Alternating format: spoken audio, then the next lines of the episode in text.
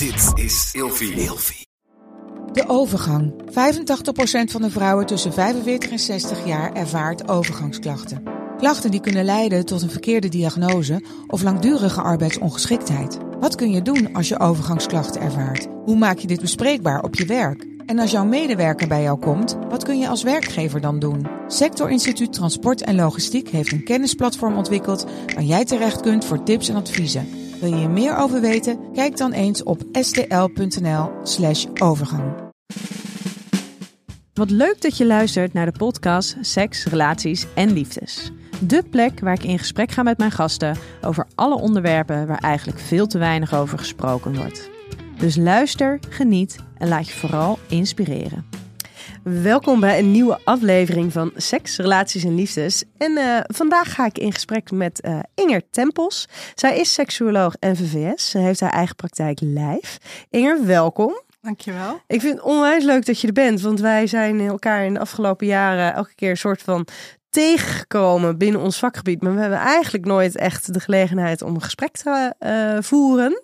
Nee, dat, um, dat, gaan wij vandaag wel doen. Ja, superleuk. Ja, wij gaan uh, zelfs drie gesprekken voeren, drie afleveringen opnemen die verspreid over de komende maanden online komen te staan. En vandaag gaan wij het uh, hebben over de orgasmekloof. Is dat een onderwerp wat jou een beetje aan het hart gaat of waar je een bepaald gevoel bij hebt? Nou ja, kijk, het orgasme, uh, de, de kloof zit er natuurlijk vooral in dat vrouwen wat minder vaak klaarkomen van seks uh, in de seks dan mannen. En dat is wel iets wat je in de praktijk uh, veel voorbij ziet komen. En vooral ook veel jonge meiden, waarbij het dan niet lukt om dat orgasme te bereiken. En die dus uiteindelijk ook het plezier verliezen in die seks. Ja. Dus het gaat me zeker wel aan mijn hart om daar uh, toch uh, wat meer plezier in te brengen voor de dames. Daar gaan we zo het uh, uitgebreid over hebben. Maar als eerste heb ik nog even een klein cadeautje voor jou, voor jouw komst hier. Een Schiedamse fles Bobby's Gin. Oh, oké, okay, dank je. Oeh, ik zet hem wel gewoon. Ik zet hem gewoon neer op tafel. We zitten te ver van elkaar. hey, um, de orgasmekloof. Uh, dat is natuurlijk iets waar. Uh, nou ja, het voelt wel een beetje gek om haar een collega te noemen, omdat ze dus wereldwijd zoveel, uh, zoveel aanzien had of heeft. Um, Ellen Laan, die heeft zich natuurlijk heel erg ingezet voor de orgasmekloof. Zij is onlangs helaas komen te overlijden. Maar zij heeft zeker wellicht misschien nog wel harder gewerkt om zich hiervoor in te zetten in, in haar laatste, uh, laatste stuk van haar leven. Wereldwijd staat zij toch wel een beetje bekend om hoe zij vrouwelijke seksualiteit op, uh, de, op de kaart heeft gezet zoals net al even gezegd, het is echt iets waar, waar zij zich voor inzet. Het is een beetje haar, haar, haar lijflied geworden. Um, daarom voelt het ook het wat gek om het daar nu over te hebben. En misschien ook een beetje in een kritische zin het erover te hebben. Um, maar wat was het eerste wat jij dacht toen je hoorde over het orgasmekloof?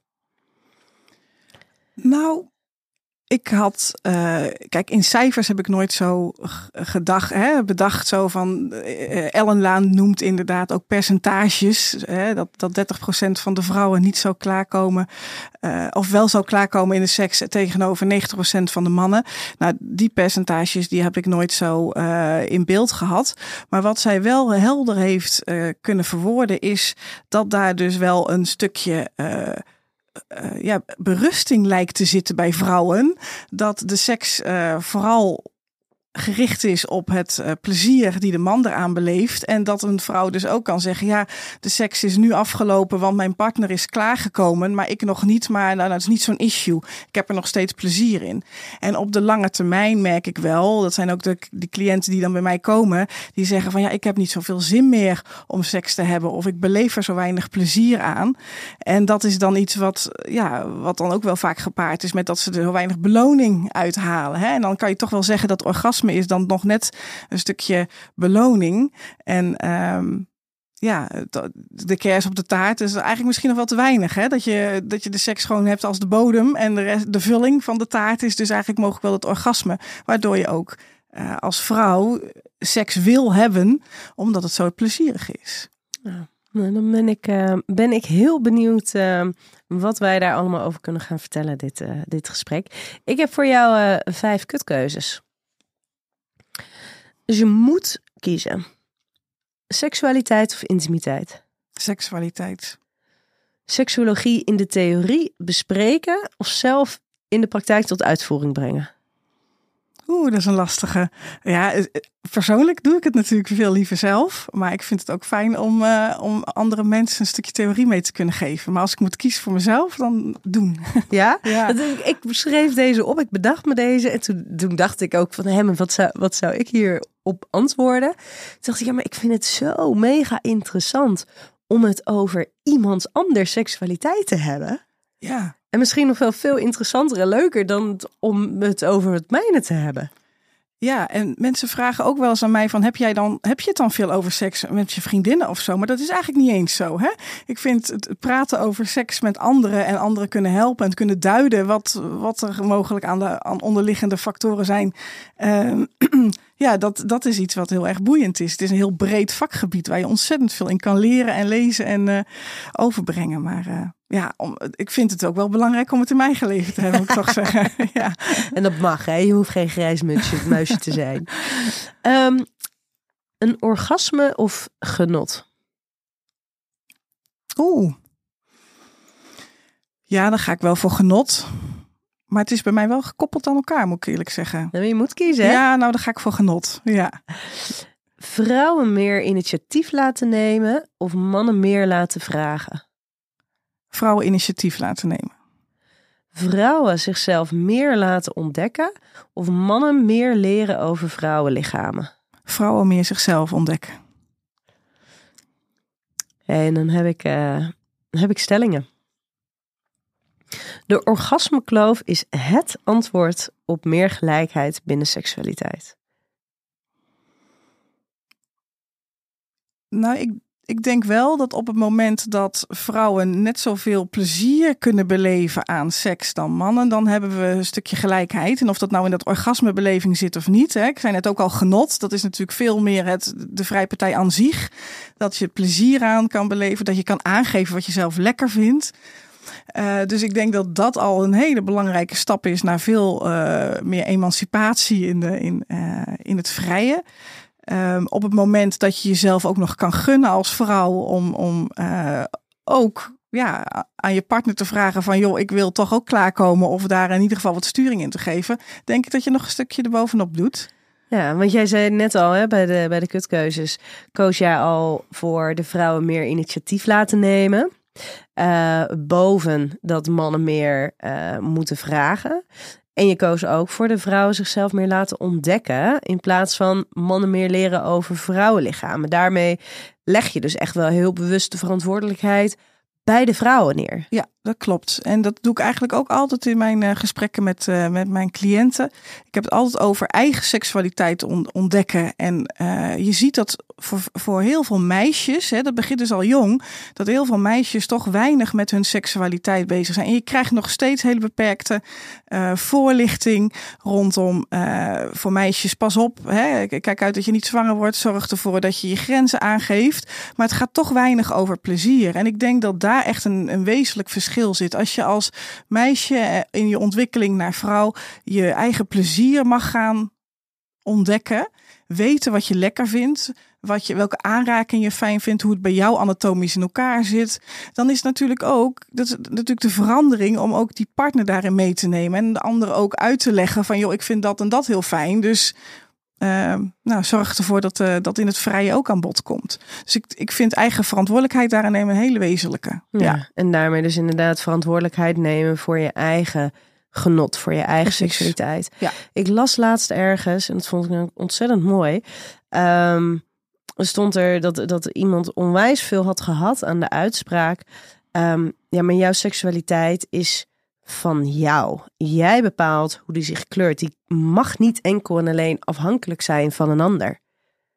Dus in, in een, uh, vrouwen die dus worstelen bijvoorbeeld met um, een gevoel van, van sexy zijn of uh, behoefte hebben überhaupt aan seks, dat zij heel vaak merken van ja, maar dat heb ik zelf niet in de hand. Dat is, ligt niet binnen mijn verantwoordelijkheid. Of hè, daar heb ik geen regie over. Maar dat is afhankelijk van de ander. Want de ander bepaalt of ik opgewonden raak of niet. En toen werd daar dus inderdaad gezegd van ja, maar jouw seksualiteit, die is van jou. En die is niet afhankelijk van ander. Dus een ander kan iets doen waardoor het getriggerd wordt. Maar het is nog steeds van jou. Jij draagt het nog steeds in jou. Ja, en ik denk ook dat dat een stukje vrijheid geeft die je nodig hebt om te kunnen genieten. Op het moment dat het iets is waar je zelf ehm, ja, je, je, je vrij onder kan voelen, waar je zelf van mag genieten, als je jezelf dat toestaat ook. Eh, bij, hè, ik heb ook wel eens een interview gegeven over, uh, ging over uh, anticonceptie voor mannen. Dat we dan nog als vrouw um, Dat het dan een keertje eindelijk een keer die verantwoordelijkheid bij die man zou liggen. En ik denk dan toch dat je als vrouw zelf moet, eh, je verantwoordelijkheid moet nemen. En ook zorgen dat je dat zelf goed geregeld hebt. In plaats van dat je het bij de ander neer gaat leggen. Dus ik denk echt dat ze uh, je eigen ontwikkeling daarin en je eigen verantwoordelijkheid daarin nemen. Een, een, een heel groot stuk vrijheid en plezier geeft. En dat je daardoor ook minder afhankelijk wordt van ja, hoe een ander naar jou kijkt of hoe een ander jou benadert. En dat je dus uh, ja, niet alleen seks in contact met een ander kan of mag beleven, maar juist dat het vanuit jezelf kan zijn. En dat je zelf sexy kan voelen, dat je dat uit mag stralen zonder dat je bang hoeft te zijn dat een ander daar wat van vindt. Uh, maar dat je daarin uh, ja, een stukje eigenheid hebt. Ja, en dat je dus eigenlijk ook daarin wat minder kwetsbaar wordt. Ja, ja, precies. Seksualiteit, dat is natuurlijk er zit stukjes van kwetsbaarheid in. Maar dat je niet zo, um, nou ja, dat je, dat je daarin wat steviger in je eigen schoenen mag staan. En dat het wat meer onderdeel mag zijn van wie je bent. Ja, wat ik heel vaak tegenkom is dat um, voor meiden eh, seks veelal pas gaat leven op het moment dat er een relatie komt. Hè? Dan ben je 15, 16, 17, krijg je een eerste vriendje en dan begint seks iets interessants te worden. Want dat hoort binnen een relatie. En um, dan is het eigenlijk altijd een beetje zo van: oké, in die relatie wordt dan die seksualiteit ontwikkeld en ontdekt. Terwijl jongens veelal uh, veel meer met hun eigen seksualiteit bezig zijn vanaf het begin van de puberteit, hè, 12, 13, 14. En ook als ze verkering krijgen. En ook als ze verkering krijgen, maar ook al wel een beetje meer weten over uh, ja, hoe dat werkt bij hun eigen piemel en waar ze opgewonden van raken en wat ze lekker vinden en spannend vinden. En voor meiden is dat toch veelal de eerste keren uh, ja, gekoppeld aan een, aan een ander. Ja, en dat is natuurlijk, hè, als je kijkt naar de verloop van relaties op latere leeftijd, blijft dat toch vaak ook zo. Dat het veel meer uh, nee, geaccepteerd is of normaal is dat mannen ook aan hun individuele seksualiteit aandacht blijven besteden door bijvoorbeeld te masturberen. Maar dat dat voor veel vrouwen toch veel minder gebeurt. Ja, ja, zeker. En uh, om dan nog even op Ellen Laan terug te komen. Ellen die, die zei dan, hè, die beschreef dan ook wel van ja, op het moment dat een vrouw pijn heeft, dan gaat de seks gewoon door. Maar op het moment dat een man pijn heeft, dan stopt die seks dus gewoon. Dus je ziet wel dat vrouwen veel meer genegen zijn om te geven. En daarin toch een stukje, uh, ja, misschien ook wel vanuit boodschappen van vroeger hoor. Dat je dat ze dan denken van ja, ik, ik, moet, ik moet dat geven, dat hoort erbij. Ik moet me, ja. dat, hè, dat, eh, dat heeft mijn partner recht op. Dat, dat hoor je ook nog wel regelmatig. Dat vrouwen komen en die hebben dan pijn bij de seks. En uh, er zelf zo weinig plezier aan beleven, maar jarenlang toch doorgaan met het hebben van, uh, van die seks. Op een manier die voor hun niet fijn is. Uh, ja, dat je dan toch denkt van hoe kan dat? Dat je op die manier toch elke keer maar het gevoel hebt dat je dat moet geven aan een ander. Nou ja, en als je het dan specifiek over pijn, daar gaan wij het ook nog over hebben. Maar dat het um, in mijn beleving bizar is, en dat is in de beleving van die vrouwen niet zo, um, pas achter de achterkomen, um, dat heel veel vrouwen denken dat het dus normaal is om pijn te hebben bij de seks. Dus als je het hebt over inderdaad, als de vrouw pijn heeft, dan gaat de vrijpartij gewoon door. Ja, maar dat zijn dus vrouwen die vaak al jarenlang met pijn zitten, soms nog nooit pijnvrije seks überhaupt hebben gehad. En die dit dus gewoon als part of the deal zien. Ja. Dat, dit, dat dit normaal is. En als je het kijkt naar in bepaalde culturen, um, wordt daar natuurlijk ook heel erg op, uh, op, op aangestuurd. Van hè, die eerste keer seks, ja, dat doet echt, dat gaat pijn doen. Ja, daar kan je niks aan doen. Gewoon je, je, je gewoon doorbijten. Gewoon even doorzetten. Ja. En dat wordt dan hun startpunt van, oh, maar kennelijk is dit dus normaal. Terwijl het niet normaal is. Dus ik denk dat daar op allerlei niveaus ehm, overtuigingen en boodschappen erin zitten. Ja, ben ik helemaal met je eens. Ja. Ja. Hey, de volgende, ehm, daar ben ik eh, heel, heel, heel benieuwd naar. Ehm, want ik vroeg, ik zei tegen jou van tevoren van over die orgasmekloof en dat ik daar dus, nou ja, ik, ik vind daar dingen van. Ehm, dus ik ben benieuwd. Door de nadruk op het orgasme te leggen, maak je het lastiger voor de vrouwen die het lastig vinden om een orgasme te krijgen, om een orgasme te krijgen. Ja, ben ik het helemaal mee eens. ja, dat, dat zie je echt wel gebeuren hoor. Op het moment dat het bereiken van orgasme niet lukt, dan wordt het echt een ding. En dan wordt het niet alleen een ding voor jou als vrouw, maar ook voor een partner die dan heel erg zijn best gaat lopen doen om jou tot een orgasme te brengen. En dat werkt eh, zo averechts, want je komt in je, in je hoofd terecht, in je kop terecht. Je gaat nadenken, oh, nou duurt het wel heel lang. Oh, ja, nee, voel ik wat? Ja, nee, nee, toch niet. Weet je? Ja, totaal niet sexy, totaal niet opwindend. Nee, precies. Dus dat, dat werkt echt averechts. Dus ik ben het helemaal mee eens dat dat eh, geen doel aan zich moet zijn. Ehm, het, het, het, het is echt een, eh, het, het genieten samen, een, een, een leuke vrijpartij met elkaar hebben, het over en weer geven en ontvangen. Dat zijn, hè, daarom koos ik ook voor genot in plaats van het orgasme. Mhm. Dat is veel meer de, het plezier en de tijd die je eraan wil eh, besteden. Um, op het moment dat er wel een stukje ontlading achteraan kan komen, kan het wel. Hè, dat geeft natuurlijk ook wel een booster naar je uh, beloningscentrum. Er gebeurt wel iets waardoor je denkt van hé, hey, dit is wel een ontzettend fijn gevoel. En die ontlading is wel heel prettig, waardoor je de volgende keer ook weer wat meer uit kan kijken naar die seks. Maar het gaat veel meer over het samen in verbinding zo met elkaar uh, die seks beleven. Ja, want dat is dus altijd waar ik dus al een beetje tegenaan ben gelopen. En ik heb daarin het geluk gehad om uh, in verschillende artikelen samen met Ellen te mogen om, uh, staan rondom dit onderwerp. Um, en daarbij had ik dus altijd een beetje last van, van het stukje van ja, maar we leggen nu dus, hè, die orgasmekloof gaat dus inderdaad over het verschil in uh, het krijgen van orgasmes tussen heteroseksuele mannen en heteroseksuele vrouwen. Laten we dat ook eventjes benoemen. Want binnen lesbische relaties ligt uh, dat percentage vele malen hoger. Um, maar daarmee maak je het orgasme dus ook wel heel belangrijk.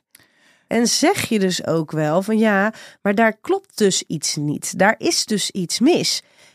En als je dan een soort van marketing-wise kijkt naar wat er is gebeurd, is er dus een enorme nadruk op dat orgasme te komen leggen. Je moet klaarkomen, want dan heb je goed genoeg um, aangegeven wat je wil. Heeft je partner goed genoeg aandacht gegeven aan wat jij wilt. Dan heb je goed genoeg genoten van de seks. En dan krijg je een orgasme. Ja, maar dat ben ik niet helemaal met je eens. Want ik denk wel dat op het moment dat je um, aandacht besteedt aan het verschil in beleving rondom hè, de seksuele opwinding en uiteindelijk tot orgasme komen, daarmee geef je dus duidelijk aan dat de manier van vrijen zoals dat nu gebeurt, niet voor vrouwen succesvol hoeft te zijn.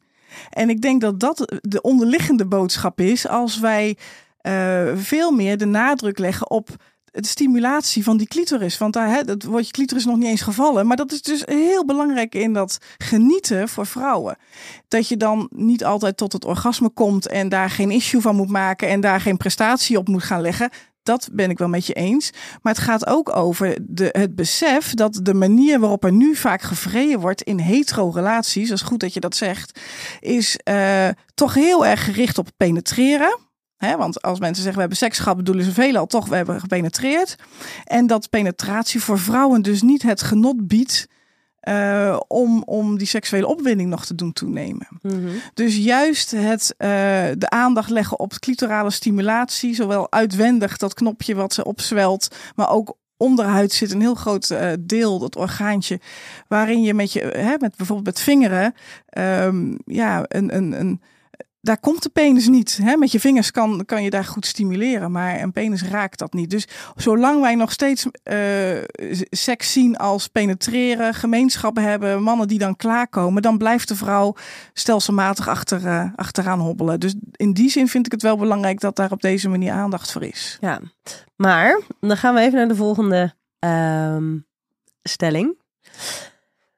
De focus zou eigenlijk niet op het orgasme moeten liggen, maar op de kloof in genotsbeleving tussen mannen en vrouwen. Ja, dan maak je het breder en dan ga je er misschien minder druk op gooien dat het uh, ergens naartoe moet. Ja, ja, want dit sluit natuurlijk precies aan bij wat jij net zegt. Ja, precies. Dat het belangrijk is dat het gesprek gevoerd moet worden. Dat op de manier waarop er nu seks, uh, dat we seks hebben, dat dat voor heel veel vrouwen gewoon niet um, lekker genoeg is. In ieder geval dat er zeker niet stimulerend genoeg is om dat orgasme te krijgen.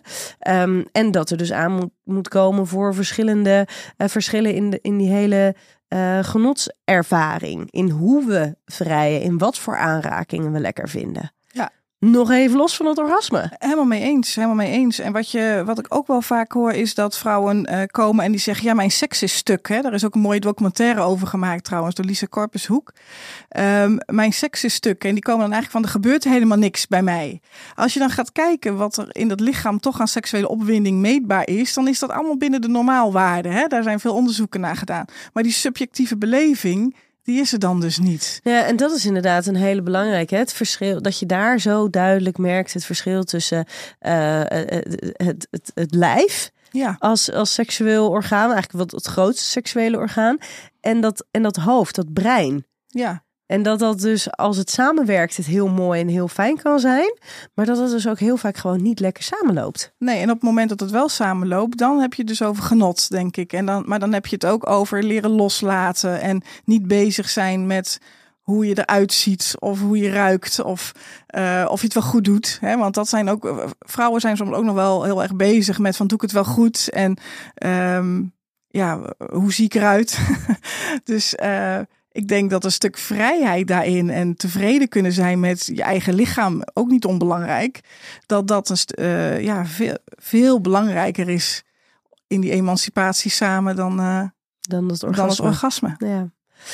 Niet alleen vrouwen, maar ook mannen hebben last van de orgasmekloof. In wat voor zin bedoel je dat mannen ook moeite kunnen hebben met klaarkomen? Nee, maar dat het voor hun ook heel vervelend is dat die orgasmekloof er is. Dat dat verschil daar dus is. Uiteindelijk denk ik wel, want op het moment dat jouw partner er weinig plezier aan beleeft en je bent heel erg bezig, dus wat jij net al aangaf van om dat doel te gaan bereiken, dan wordt het vrije op zich al niet meer leuk, want je bent heel doelgericht eh, bezig. Hè? Um, maar het is natuurlijk ook zo dat mannen daar ook wel onzeker over kunnen worden. Misschien. Hè? Van, joh, ik doe het niet goed, ben ik geen goede minnaar. Uh, als is, is dat een misschien? Of is dat iets wat we met iets meer zekerheid kunnen zeggen? Ik denk dat je het wel zeker met zekerheid kan zeggen. Vooral ook als dat wordt natuurlijk nog weer versterkt. Stel dat jouw partner wel bij een andere in een andere vrijpartij was klaargekomen met een andere man, bijvoorbeeld. Uh, ja, dan wordt dat nog natuurlijk helemaal weer versterkt. Van waarom lukt het dan niet bij mij? Ben ik dan geen goede minnaar? Dus nee, mannen zijn zeker ook onzeker in de seks. Hè? Het is niet zo dat mannen daar allemaal maar uh, vol zelfvertrouwen in, uh, in gaan. Wat absoluut ook weer niet bevorderlijk is voor dat, dat stukje opwinding en dat genieten. Want een, hè, dan ga je dus als, als partner ga je dus proberen te extra je best te doen. Je gaat een soort van overcompenseren. Je bent zelf helemaal niet meer bezig met, uh, met dat stuk loslaten. En we zien wel waar het komt. Maar je bent veel meer die controle aan het vasthouden. Wat de ander ook weer voelt. Wat de ander ook weer merkt. Ja, ja, je gaat, je gaat uh, ontzettend je best doen met z'n tweeën. En um, uiteindelijk um, geeft dat niet het. Uh, is dat niet een, de, de, deur of de opening naar plezier met z'n tweeën? Hè? Dus ja, ik, ik kan me voorstellen dat dat voor mannen ook. Uh, je ziet ook vaak dat mannen zo bezig zijn met de vrouw of met hun partner. Als we het over hetero, we hebben het nog steeds over hetero-relaties. Mm hè, uh, dat, dat mannen ook hun eigen seksuele opwinding kunnen verliezen. Omdat ze zo aan het geven zijn en zo hun best aan het doen zijn. Waardoor eigenlijk voor allebei de kanten, ja, het is uh, allebei verlies Ja. Ja. ja, dat vind ik af en toe best wel lastig hoor. En, en dat is natuurlijk sowieso, als je het hebt over seksualiteit, zijn heel veel gesprekken die worden gevoerd ehm, in, in soort van zwart-wit situaties, in hele stereotype situaties. Maar ik denk dat wij bijvoorbeeld ook, en, en dat bijvoorbeeld gaat, hè, seks heeft altijd, draait altijd om de man. Terwijl ik denk dat wij allebei in de praktijk best wel wat mannen zien die er inderdaad juist heel veel moeite mee hebben om als ze bezig zijn ehm, met, met, met, met het genot van hun bedpartner, dat ze dus niet bij hun eigen genot kunnen blijven. Dus die zijn juist zo gefocust op de ander dat ze niet aan zichzelf toekomen. Ja. Dus daar vind ik het dan altijd lastig als er dus wordt gezegd, ja, maar seks draait altijd om de man. Ik denk, nee, er zijn dus ook heel veel mannen die ermee worstelen. Ehm, dat ze het juist heel graag om de vrouw willen laten draaien. En daarbij zichzelf dus een beetje uit het oog verliezen. Ja, ja met, met als gevolg dat ze soms ook hun eigen opwinding dus verliezen. En dus die erectie kwijtraken. Wat dan in zo'n zo'n vicieuze cirkel kan worden. Want ja, de volgende keer denk je van, oh, als het maar nu wel gaat lukken. Hè, als ik maar wel eh, tot die prestatie kan komen. Dan krijg je een enorme druk. Ja, en of binnen diezelfde par- vrijpartij komt nog eventjes de druk erop vanuit de vrouwelijke bedpartner in dit geval. Om toch nog er even voor te zorgen dat de man toch nog een erectie krijgt, toch nog een orgasme krijgt. Want dan is er in ieder geval niet een gevoel van falen. Ja. Dan is het toch nog gelukt. Ja, maar toch is het wel mooi als je mensen mee kan geven dat eh, hun eh, mond en hun handen het altijd doen. Hè? Dus het, eh, het seks veel breder gaan zien als een eh, samenspel hè, met allerlei eh, repertoire is denk ik wel heel wezenlijk in de boodschap. Hè, dat, je, dat je niet, eh, we praten nog steeds, en ik praat er eigenlijk zelf nooit over, over die termen, maar je leest nog steeds heel vaak, of je hoort nog veel, voorspel, een of ander hoofdact en dan nog iets van naspellen als dat nog hè, tijd voor is. Maar eh, vrijen en seks is veel meer totaal samen zijn, zonder dat er onderscheid gemaakt wordt in dat je ergens naartoe moet of dat er iets gepresteerd moet worden. Want dat werkt eigenlijk eh, totaal averechts. En waar de verwachtingen zijn, kan je alleen maar teleurstellen. Precies. Ja. Ehm, de laatste eh, stelling. Mannen, en die ga ik, ga ik nog even iets aan toevoegen. Eh, mannen en vrouwen hebben er beide minstens zoveel baat bij om meer aandacht te besteden aan vrouwelijk genot, maar ook aan mannelijk genot. We houden hem eerst even op het vrouwelijk genot. Ja, nou ja, ik, kan me daar eh, op het moment dat je da- dat je, ja, je je zet net die man erachteraan en denk als je hem beide pakt toch, dan denk je als je er allebei van geniet, hoeveel meer zin heb je dan de volgende keer om te vrijen? Hoeveel meer gemotiveerd ben je dan om met seks bezig te gaan? Als je er allebei plezier aan kan beleven en dat het voor allebei iets is waar je, ehm, ja, waar je naar uit kan kijken. Ja, en los van de motivatie voor de volgende keer, ook de mate van verbinding die er ontstaat tussen twee partners. Natuurlijk. Ja, je ziet toch dat eh, seksualiteit. Hè, je, je vroeg in het begin ook met, met zo'n stellingname intimiteit of seksualiteit. Ehm, intimiteit is hartstikke belangrijk en seksualiteit is ook heel erg belangrijk. En die in een mooie verhouding eh, in, in een relatie, ook in langdurige relaties, is, is wel erg belangrijk om eh, het met elkaar leuk te hebben. Ja. En, en vind jij dat, dat men seks te belangrijk heeft gemaakt? Seks kan zeker voor heel veel mensen heel belangrijk zijn. Ja, en ook te belangrijk belangrijk, ook zeker gemaakt kan worden. Ja, ja. Ehm, ik, ik, ik, ik heb zelf, heel veel mensen hebben het ook over frequentie van seks, hè? De, hoe, hoe vaak ze met elkaar vrijen. En dan denk ik, ja, weet je, het gaat het niet vooral om de kwaliteit van het vrijen in plaats van hoe vaak je met elkaar vrijt. Ehm, seks kan zeker heel belangrijk zijn, maar het ligt een beetje aan. Ik, ik definieer seks altijd iets als iets heel groots. Dus op het Mhm. moment dat je eh, tongzoenen ook seks eh, labelt, dan eh, wordt het weer wat kleiner. dus, maar op het moment dat het all the way moet en het moet ergens naartoe, hè, waar we het de hele tijd over hebben, er zit een prestatie op, er moet iets, iets, iets bereikt worden, ja, dan, dan maak je het wel te belangrijk en te groot. En dan zie je eigenlijk dat elke, ja, alle andere kleinere eh, dingen waar je van kan genieten, eh, een beetje op de achtergrond komen. Ja. Je, want ik ben, ben eh, absoluut voorstander. Ik denk dat dat ook is waarom wij ons werk doen. Ehm, omdat er meer kennis is over seksualiteit. Dat meer mensen meer daarover weten wat de mogelijkheden zijn. Hoe ze beter in contact kunnen komen met hun eigen seksualiteit. Maar door specifiek die focus op dat, op dat orgasme te leggen. Eh, want heel veel mensen lezen de krantenkop, hè? Die lezen de headlines. Die lezen niet het hele achterliggende idee erbij van goh, we moeten leren vrijen met z'n allen. Nee, nee, vrouwen moeten meer orgasmes krijgen. Hè, dat is een soort van de, de, de verkorte versie ervan. Denk ik, ja, die vind ik dus, die vind ik dan dus zo spannend. Want wat betekent het dan dat je geen orgasme krijgt? Ja. Heb jij het dan niet goed gedaan? Mhm. Heeft je partner het niet goed gedaan? Ken Is- je je eigen lichaam niet Ja, goed genoeg? Is er iets stuk? Ja, is Ja. je partner te egoïstisch geweest? Wat, wat, weet je, daar zit, zitten zoveel soort van negatieve interpretaties aan. Ehm, en ik denk dat dat is nooit de insteek geweest Nee. Maar, van deze hele beweging. maar laten wij dan hier nu de boodschap eraan koppelen dat de manier van vrijen mogelijk anders zou kunnen. Waardoor je er allebei veel meer plezier aan beleeft en het veel meer ergens naartoe moet. Hè, dat, zou, dat zou veel meer de boodschap kunnen zijn of moeten zijn. Ehm, dat eh, ja, de, de standaard eh, seks eh, van het penetreren, het klaarkomen, dat dat eigenlijk niet het, het grootste plezier geeft. Maar juist de, ja, de intimiteit, de, de, de tijd Toch de samen. intimiteit, hè? Ja, de intimiteit, de verbinding en de tijd samen. Maar dus ook ja, goed, adequate stimulatie. Ja. En dan hebben we het toch wel over die clitoris. Die moet ik toch nog even noemen. Ja, eh, eh, ja, maar als je het hebt over adequate stimulatie, als je het inderdaad ehm, voor echt voor het specifieke stukje opwinding en naar orgasme toe, dan is het toch over het algemeen wel inderdaad die cli- die clitoris die eh, adequaat gestimuleerd moet worden. Ik vind dat zo'n lekker woord, hè? adequate stimulatie. Wat gewoon simpelweg inhoudt dat de mate waarin die gestimuleerd wordt voor jou lekker is. En wat voor jou lekker is, kan voor een ander weer niet lekker zijn. Dus dat is hè, dat stukje adequaat. Wat voor jou lekker is, wat voor jou helpend is. Maar dat hele lijf vraagt natuurlijk ook om adequate stimulatie. Om aanraking, om erbij betrokken te worden. En als je het hebt over het vergroten van genot en opwinding, ja, dan kan dat hele lijf mee gaan doen. Maar dat is altijd wel de boodschap ook. Hè? Je ziet toch wel vaak dat, eh, dat de borsten en de, de vulva, vagina, daar wordt regelmatig zo naar gegrepen om daarmee te beginnen. Maar ik zeg altijd, neem dat hele lichaam mee. Ga, Pak massage mee, zoen met elkaar, neem er de tijd voor.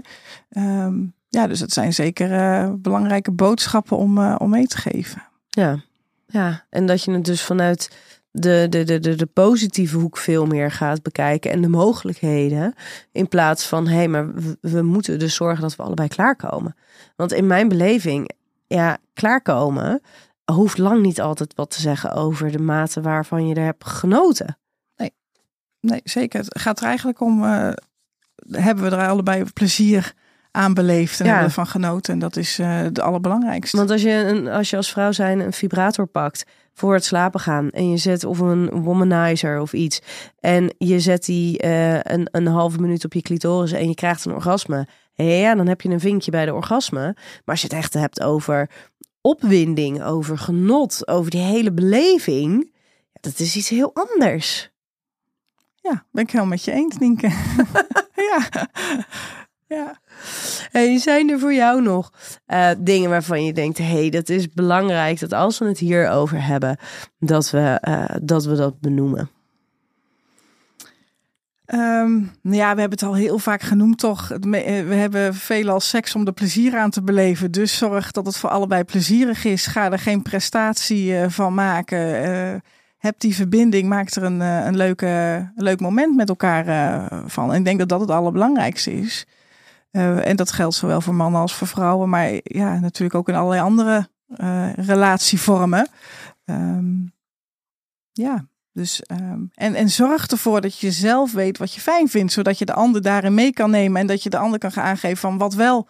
Hè, in plaats van, nou, dat vind ik niet fijn, dat niet fijn, maar wat dan eigenlijk wel? Dat is wel Ja. belangrijke communicatie natuurlijk. Nou, dat is inderdaad dat is goed dat je dat nog eventjes aanhaalt. Want als je het hebt over aangeven wat je, wat je wil, wat we dan nog wel, we, eh, wat er dan nog wel regelmatig gebeurt, is dat er als er iets gebeurt wat we niet lekker vinden, dat we dat expliciet benoemen.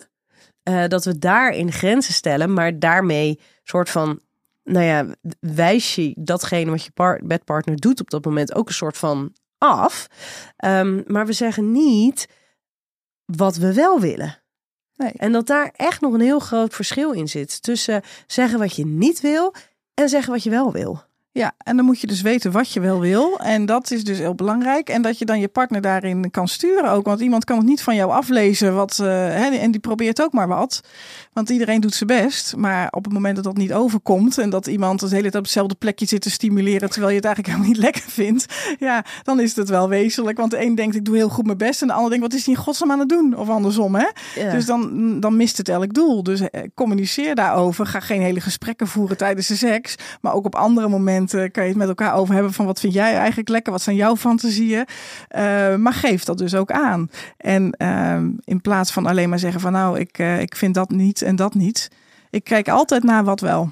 Ja, ik probeer ook wel zoals dan met cliënten, dan zeg ik ook dus van als zij het heel erg lastig vindt om het, om het aan te geven, als zij dat als het ware niet durft, dan vraag ik ook altijd van goh, maar geeft hij het wel eens aan?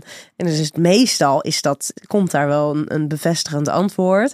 Uh, dat er iets komt van hey, even uh, wat sneller, wat rustiger, uh, mag wel wat steviger. Dat soort gewoon, dat soort woorden. En dat vinden de meeste vrouwen vinden dat dus heel prettig om te horen, omdat ze dan weten wat ze, wat ze kunnen doen.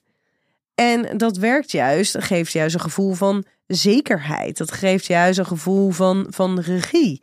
Terwijl als je hem dan de zon draait, dat zij het dus vervelend zouden vinden als ze het idee geven aan hun bedpartner dat hij het niet goed genoeg doet. Of dat hij het verkeerd doet. Dat hij het anders moet doen. Dat hij het zelf niet weet. Ja, maar daarbij vullen we ze dus misschien ook in dat hij het dan wel had moeten weten of zo. Terwijl ik denk van ja, andersom is het, een man heeft dat ook nodig. Hè, om gestuurd daarin te worden. En, en dat jij als vrouw kan aangeven van joh, dit, dit wel fijn en dat niet. En dat kan ook nog wisselen. Hè? Soms dan wisselt dat ook nog in je.